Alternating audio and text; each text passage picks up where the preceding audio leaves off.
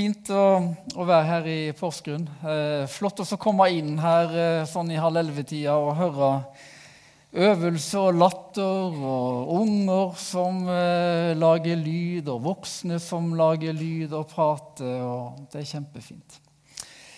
Eh, jeg skal eh, dele noen tanker med dere i dag fra Matteusevangeliet, kapittel 15, nei, kapittel 5. Vi se om vi får opp et sånn eh, Ja, der har vi det. Tre viktige dimensjoner ved det å være kirke er på en måte utgangspunktet mitt i dag. Og Det er kapittel 5 i Matteusevangeliet. Har du Bibelen med, enten, eh, enten sånn eller eh, på en sånn duppeditt? Har Opp med hånden dere som har med Bibel. Opp med hånden dere som ikke har med Bibel i dag. Ja. Ehm, det er, det er greit. Ehm, vi skal lese da fra kapittel 5. Ehm, overskriften der er 'Jordens salt og verdens lys'. Dere er verdens lys, sier Jesus til disiplene sine. En by som ligger på et fjell, kan ikke skjules.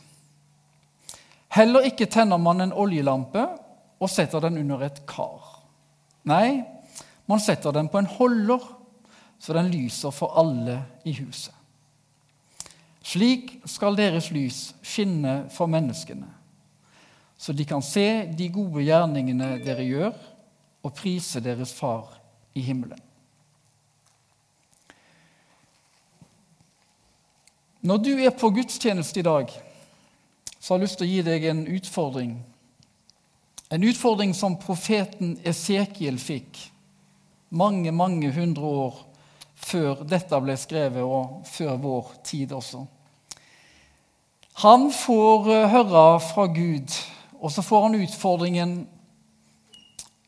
Se hva jeg viser deg. Hør hva jeg sier til deg. Og så kommer den tredje utfordringen. Og legg det i ditt hjerte. Og Det å være på gudstjeneste det er en sånn tre ting-greie. Du ser, du hører sangen, det som blir sagt. Og så er den siste å legge det på ditt hjerte.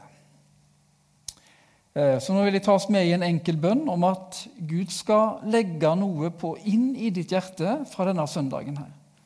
Det trenger ikke være noe av det som jeg står her og sier nå, men det kan være noe av det som Tom har sagt, eller Tove som var her, eller sangen som har blitt, og teksten, ikke minst. Himmelske Far, eh, takk for det at vi får lov til å stille våre hjerter til ro innenfor ditt ansikt. Takk for det at du er her. Du ønsker oss velkommen. Takk for det at vi får lov til å være her akkurat som den vi er, med det vi bærer på. Eh, du ser livene våre, Herre. Du ser situasjonene rundt oss som vi står i. Du kjenner oss. Så ber jeg Far om at vi skal få lov til å se, høre, og at noe skal legges inn i hjertet vårt denne formiddagen. Amen. Ehm, I versene før dette med lys så, så, sier Jesus om at de er jordens salt, om saltet som mister sin kraft. Altså, Saltet opphører for så vidt ikke å være salt, men det mister kraften. Altså det mister sin funksjon, rett og slett. Og Så går han over til å snakke om lyset. Eh, og så snakker han om gode gjerninger. Eh, og så sier han at eh, dere skal være lys. Og de gode gjerningene er ikke gjerninger som gjøres fordi at vi skal skinne. Men det gode, det skal peke på, på Gud. Det skal peke på Kristus.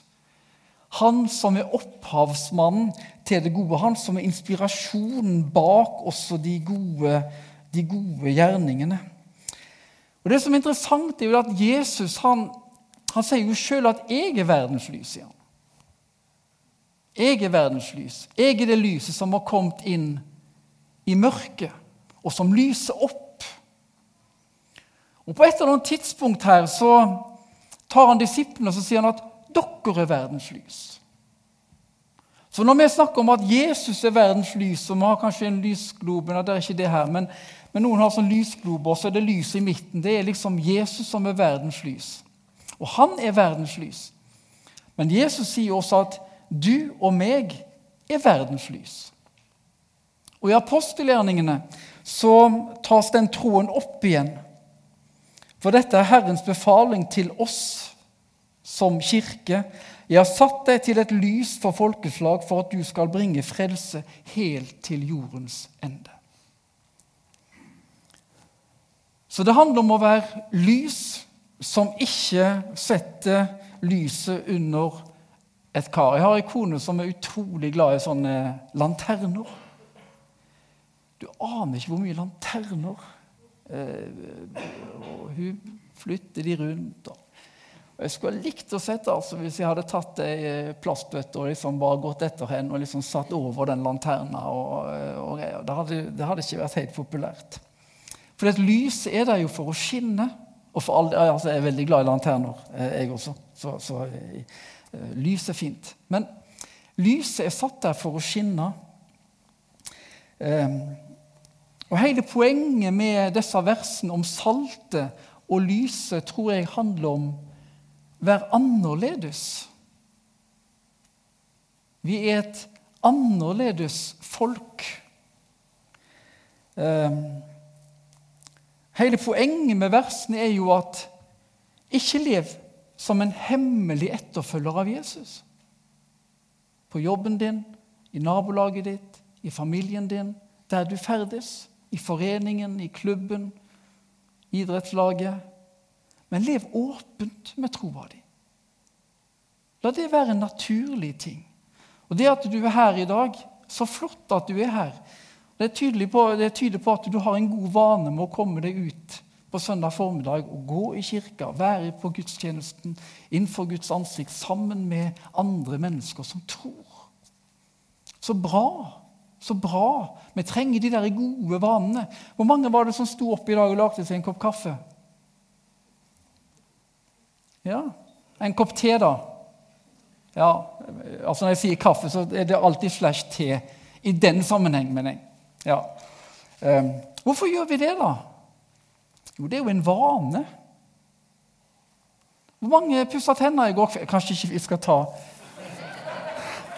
Det er liksom litt sånn vi kan ta, Hvor mange pussa ikke tenner? Nei. Uh, um, men det er jo en vane vi har.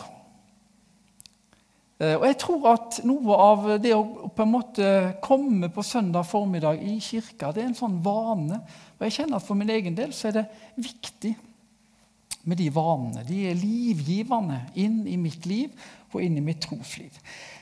Eh, det som Jeg skal gi dere tre punkter i dag. Og, og De tre punktene har utgangspunkt i nå må dere holde dere fast her, i tre greske ord.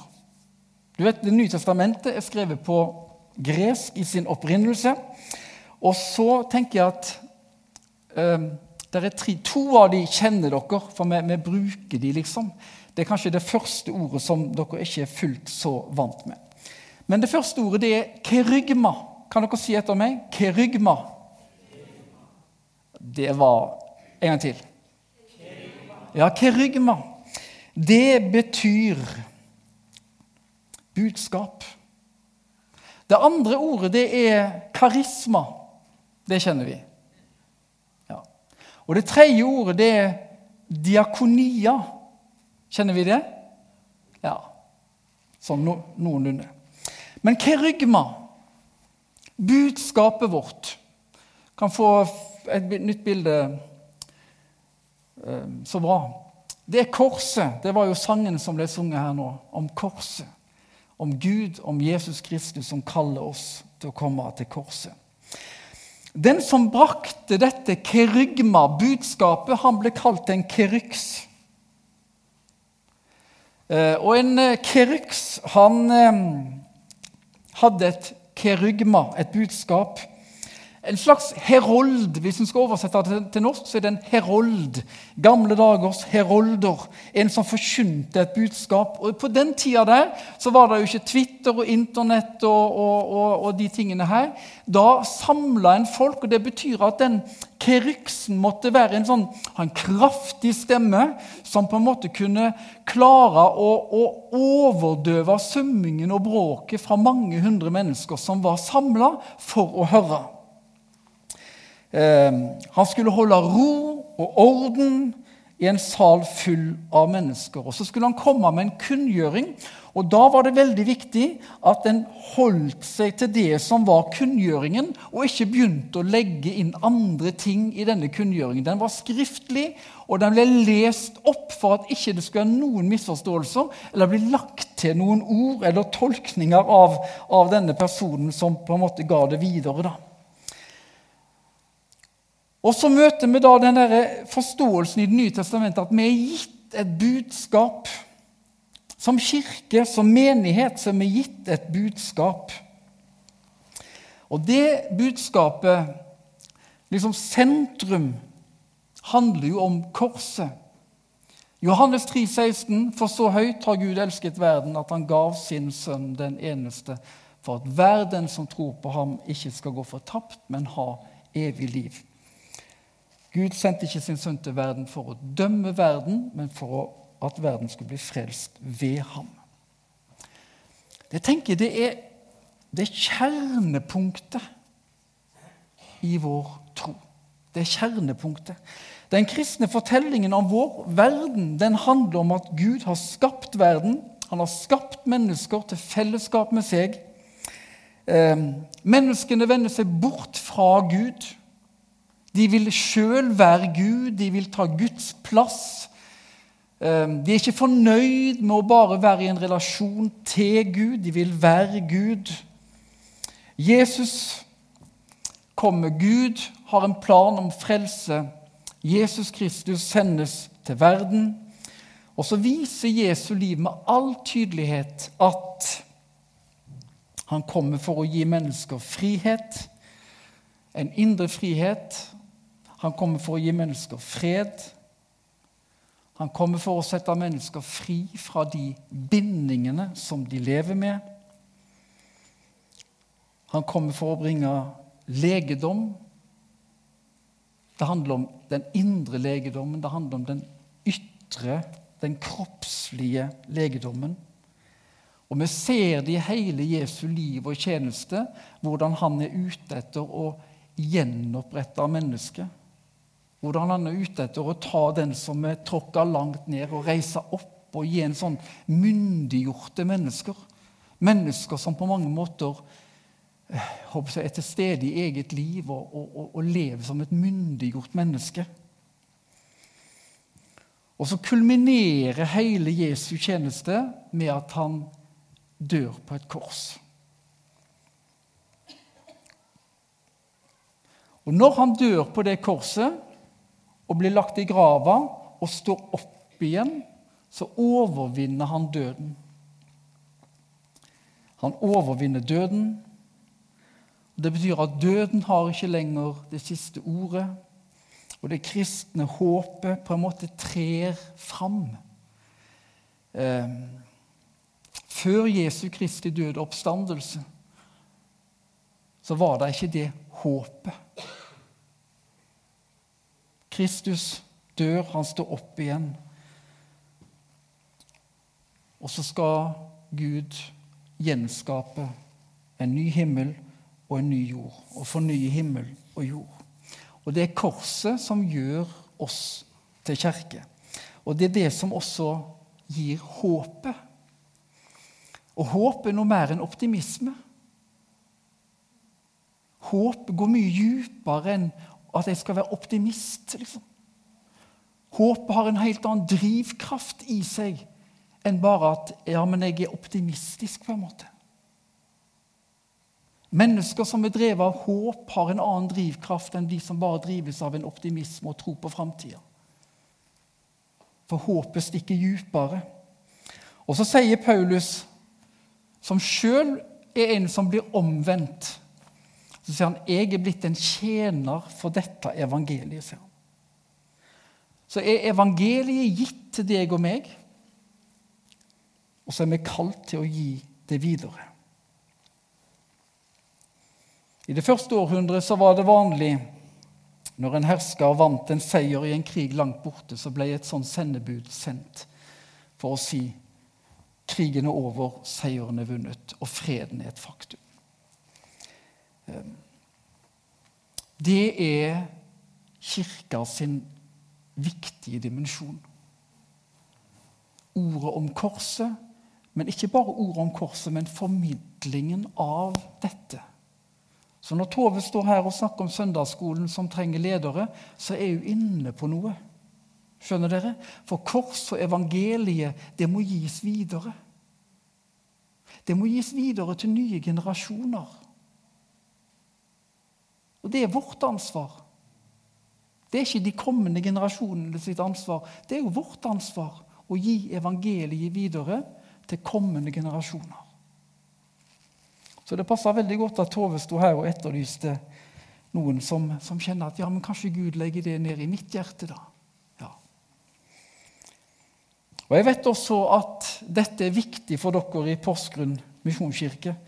Gjennom arbeidet med menighetsskolen og bibelfortellingen som dere eh, på en måte sa at dette er vår bibelfortelling. Og dere husker sikkert den, kanskje, men det er iallfall den ene sauen som blir borte, og at vi er kalt å lete etter den ene sauen. og Forlate de 99 og lete etter den ene. Det er derfor vi er her. Det er budskapet. Det er kerygma. Det andre, kan jeg få neste bilde, det er Karisma det handler om kirkas nådegaver.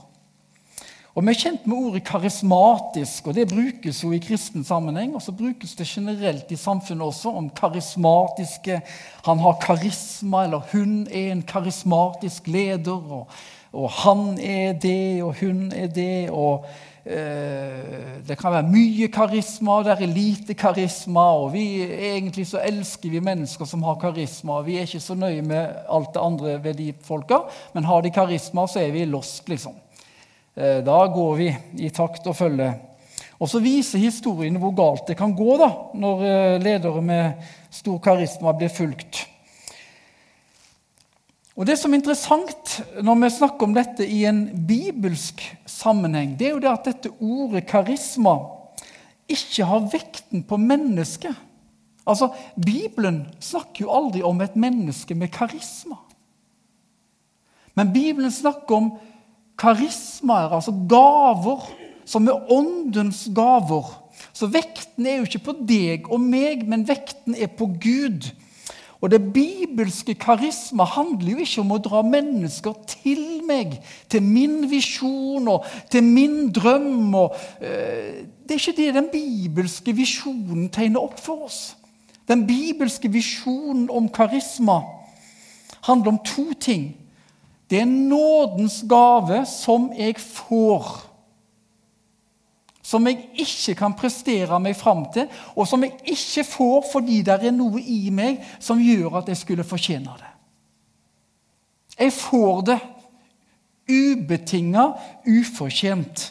Og det andre denne nådens gave som jeg mottar, den skal jeg bruke til å tjene andre mennesker med. Det er den bibelske forståelsen av dette med det karismatiske. Og Der lurer jeg på om vi noen ganger har blingsa hvor det karismatiske har blitt veldig innadvendt. og sånn, Det handler om meg og mine erfaringer og opplevelser, mens det dypest sett handler om en gave som Gud gir for at du skal rekke ut dine hender og tjene andre mennesker. Så når jeg ser utover her, så ser jeg en masse mennesker som har mottatt denne herre åndens gave fra Gud. Og ved å ta imot den gaven, så blir du jo sjøl også en gave til fellesskapet. Er du en gave til fellesskapet? Ja, du er det. Du er en gave til fellesskapet. Sånn er menigheten tenkt. Gud gir oss noe, ikke basert på prestasjoner og hvor dyktige vi er, eller hvor ditt eller datt, men utelukkende av nåde. Og så blir vi en gave til hverandre. Du er en gave til fellesskapet. Og Da kan du stille deg spørsmålet hvordan kan jeg være en tjener for de andre i dette fellesskapet som jeg er satt inn i? For enten vi liker det eller ikke, så Og jeg vet sjøl hvor snublende nært det er å tenke hele tida hva, hva gir fellesskapet meg? Hva gir fellesskapet meg? Og jeg tror Det er ganske sånn kjensgjerning at når fellesskapet ikke lenger gir meg noe, så tenker jeg at hva skal jeg med dette fellesskapet? Og jeg tenker at Hvis vi klarer å snu rundt på dette Hva kan jeg gi til fellesskapet? Så vil du være omgitt av mange mennesker som faktisk vil være opptatt av å gi noe til deg fordi du er en del av fellesskapet. Men hvis vi alle sammen går og tenker 'Hva gir fellesskapet til meg?' så ender vi opp med at vi blir litt sånn kravstore, og vi blir aldri helt fornøyd. Gud snur det på hodet, og så inviterer han oss til å tjene de andre. Ikke bare hverandre, men dere blir en gave også til andre. Gavene er gaver som kirka betjener andre med. Og Da er vi over på det tredje og siste punktet, og det er diakonia. Få opp det neste bildet, så kommer vi litt tilbake til den etter hvert. Men eplet, det er en frukt av et epletre. Eplet er ikke treet. Eplet er ikke greinene, eplet er ikke røttene, men eplet er frukten. Og hva er frukten av budskapet vårt? Pluss gavene Gud har gitt oss? Jo, det er vår tjeneste. Det er det Kirka gjør. Så når vi snakker om nådegaver og tjenester, ikke la det bare bli internt. Men tenk hvilken betydning har dette for lokalsamfunnet som jeg er en del av? Hvilken betydning har dette for arbeidsplassen min? For studiestedet mitt, for nabolaget mitt, for familien min? Hva betyr det at du har mottatt fra Gud en nådens gave som du er kalt til å tjene med? Hva betyr det for treningskompisen din eller kollegaen din? Hva betyr det? Eh, dette her er et bilde av Benedicte Benedikte Ekman Rønneberg. Hun er eh, psykolog, psykologspesialist. I ti år har hun vært engasjert i kampen mot moderne slaveri. Eh, og i 2020 altså, så fikk hun psykologprisen. 2020. Den ble delt ut nå i 2021 pga. Dere vet hvorfor. Jeg orker ikke å ta ordet i vår munn engang, men det begynner på K og slutter på orona. Um, I 2011 så startet hun en liten organisasjon som heter For Freedom. Da har hun kjent at vi må gjøre noe i forhold til dette som handler om moderne slaveri. Jeg vet ikke om dere, så, om dere følger Misjonskirka Norge på Instagram eller Facebook. Der var det en sånn lite oppslag også om eh, det å tenke igjennom når vi får noen til å vaske bilen vårt. Altså til å vaske bilen vår på et eller annet sånt vaskested. For I Norge har det vært en av de store områdene med moderne slaveri. Hvorfor vi får vaska bilen vår så billig. Så er det intervju med en fra Polen, tror jeg det var, som kom og ble lovd noe, og så ble det forferdelige forhold i Norge. I vårt Norge. Vårt lille, vakre, skjønne Norge. Ehm, og så tenker hun her må jeg gjøre noe. Og så får hun denne prisen. Ehm, denne her For Freedom slås sammen med en internasjonal organisasjon som heter Hope for Justice, altså håp om rettferdighet. Og Det som er så flott med hun her, det er det at når hun forteller om sitt arbeid i denne organisasjonen Hun er kristen. Hun tilhører en menighet, Saltbergenskirken. Og så sier hun jeg hadde aldri kunnet gjort dette. Eller hun sier ikke det. Hun sier at det var helt avgjørende at menigheten min var med på dette. Hun sier det var helt avgjørende for at dette skulle lykkes. De har vært med på å sette våre saker på agendaen og gitt oss nødvendig rom og ressurser, sto det å lese. Og Det sier noe om hvilken betydning en menighet kan ha, også i kampen mot urettferdighet og for rettferdighet og verdighet for mennesker. Og Det sier noe om at diakonia du kan ta vekk det bildet nå, egentlig. Diakonia det handler om å tjene Gud i det samfunnet vi er en del av. Å bety noe. En Gud som står på de undertrykte side. En Gud som hater urettferdighet. En Gud som hater utnyttelse.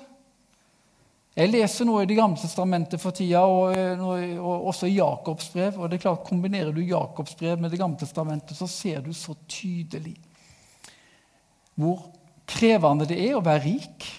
Hvor krevende det er å bo i en rik del av verden. Um, og en Gud som er så på de fattige side, de undertrykte side, de farløse, enkene, altså de svake.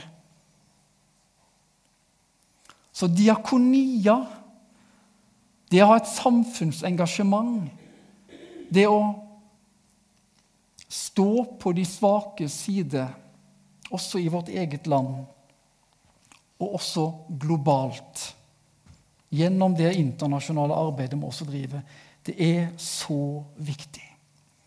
Så jeg hadde bare lyst til å trekke fram nettopp den koblingen mellom denne ene personen og denne menigheten. Det var ikke menigheten som drev dette, her, men menigheten var med og støtta og, og, ga support. Og på en måte innlemma noe av dette her. Og tenke at åh, wow! Jeg ble veldig glad når jeg leste det. Helt konkret så betyr diakonia det betyr for egentlig å vente ved et bord. Er det noen her som Jeg har aldri vært på en restaurant hvor det har stått en kelner med sånn hvitt og bare liksom hatt ansvar for mitt bord. Er det noen av dere som møtte en en gang som hadde vært det? Én kelner på ett bord, liksom. Er det noen, Har dere? Nei? Ja, Tore har vært det, ja. ja. Typisk, vet du. Ja, Hvor var det da, Tore? I Ecuador, ja. Nei, men det er greit. Men det betyr altså å være en tjener. Det betyr da å stå ved et bord og vente. Og så respondere på behovene ved det bordet. Sånn at de som sitter der, skal ikke engang måtte si du, kan jeg få litt mer i glasset. Du skal se det. Ja. Så er du der med en gang som en ånd og bare psh, Alt foregår, liksom. Ja, Det er det som er tanken bak dette. her. Og Det interessante her er at det ordet å være en tjener det sto ikke høyt i kurs i den verden hvor den første kristne kirke vokste fram. For det å være en tjener, det var negativt. Mennesket var kalt til å herske, mennesket var kalt til å legge under seg. Mennesket var på en måte eh, I den grad jeg skulle tjene noe, så var det kun fordi det tjente min egen utvikling. Så kommer Jesus, og så snur han ting opp ned. og Sånn er det jo med Guds rike. Det, ting blir snudd opp ned hele tida. Så liksom, å følge etter Jesus er kjempekrevende, fordi du, du blir hele tida utfordra. Når jeg sitter i dag morges og leser Jakobs brev og leser om de rike Jeg er jo rik. Så blir jeg jo så utfordra. Jeg blir så utfordra. Og jeg kjenner gode Gud, altså. Ja, for jeg vil følge deg, Jesus. Så blir jeg utfordra. Det er ikke bare kos, kos, kos, kos, men jeg blir også utfordra. Og jeg, kjenner, jeg, trenger også en Jesus som utfordrer meg. Eh, og som på en måte, For jeg vet at han vil det beste for meg. Eh, I alle fall så løfter Jesus dette opp med å tjene, da, og så setter han det i forbindelse med Guds kjærlighet. Og så kulminerer det på en måte hvor han sier at 'jeg er kommet som en tjener'. Jeg er kommet som en tjener. Og det gjør Han jo, altså han gjør det jo på en forferdelig eh, avslørende måte sammen med disiplene. For eh, disiplene de går, de er på tur. De, Jesus og gutta boys, så går de der. Og så begynner de å krangle. Og hva tror dere de krangler om? Hvem som skal være den største blant dem. Der går de, vet du. De som er håndplukka av Jesus. Ha? Har gått med Jesus og levd med Jesus. Og så går de altså og snakker og diskuterer, og det blir litt sånn amper stemning hvem som skal være den største blant de. Og så kommer stoltheten og ambisjonene og, og, og, og sjalusien og, hovmodigheten og alt dette som bor i oss som mennesker, og som du har og jeg har, og ingen av oss kan si at 'nei, jeg har ikke noe av dette her'. Selvfølgelig har vi det. Derfor er det et valg, og så stopper Jesus opp, og så hører han dem snakke, og så begynner han å fortelle. Og så tar han tak i dette. Og så sier han kongene hersker over sine folk, og de som har makta, lar seg kalle velgjørere. Men sånn er det ikke blant dere. Den største av dere skal være den yngste, og lederen skal være som en tjener. Og så sier han 'Jeg er kommet som en tjener'. Så gir han oss et eksempel om å tjene andre mennesker uten å få noe igjen. Og Det var det Jesus også gjorde. Han tjente uten å få noe igjen. Han fikk et kors. Og Derfor så tror jeg at Jesu innflytelse den var større et par hundre år etter at Jesus var død og himmelfarten, enn den var mens han gikk på jorda. Hvorfor det? Jo, for det var Jesu etterfølgere som hadde Jesu ord. Og det var vokst inn i dem på en sånn måte at det var naturlig for dem å ta seg av mennesker. Og En, eh, en religionshistoriker um, um, som heter Stark, han har skrevet om, har skrevet flere bøker om på en måte hvordan kristendommen bredte seg i Romerriket. Og Han sier at en av faktorene der, uten tvil, var de kristnes diakonale tjeneste. Det at kristne gikk rundt i Romas gater og plukka opp små spedbarn som var satt ut for å dø. Og på den måten starta barnehjem. Det ble lagt merke til. Det at, det ikke, at kristne ikke flydde unna sånn som de rike gjorde når pandemier kom og epidemier kom, men de var, og så tjente de befolkningen. Det ble lagt merke til. Så godhet i praksis. Omsorg, diakonia, tjeneste. Og så vet vi at eh, hele vår kultur, den vestlige kultur, er veldig inspirert av Jesus Kristus og den kristne tro. Det handler om kunst og vitenskap, styresett og medisin og utdannelse. Fordi Jesus Kristus lærte oss noe om verdighet. Han lærte oss noe om menneskeverd, om barmhjertighet, tilgivelse, håp. Og selv i vårt lille land så ble det endringer også når Kvitekrist hadde fått fotfeste og lover ble endra. Eh, vi ville per i dag ikke kalt det for veldig menneskeverdige lover, dog, men det var dog et framskritt i forhold til det som var.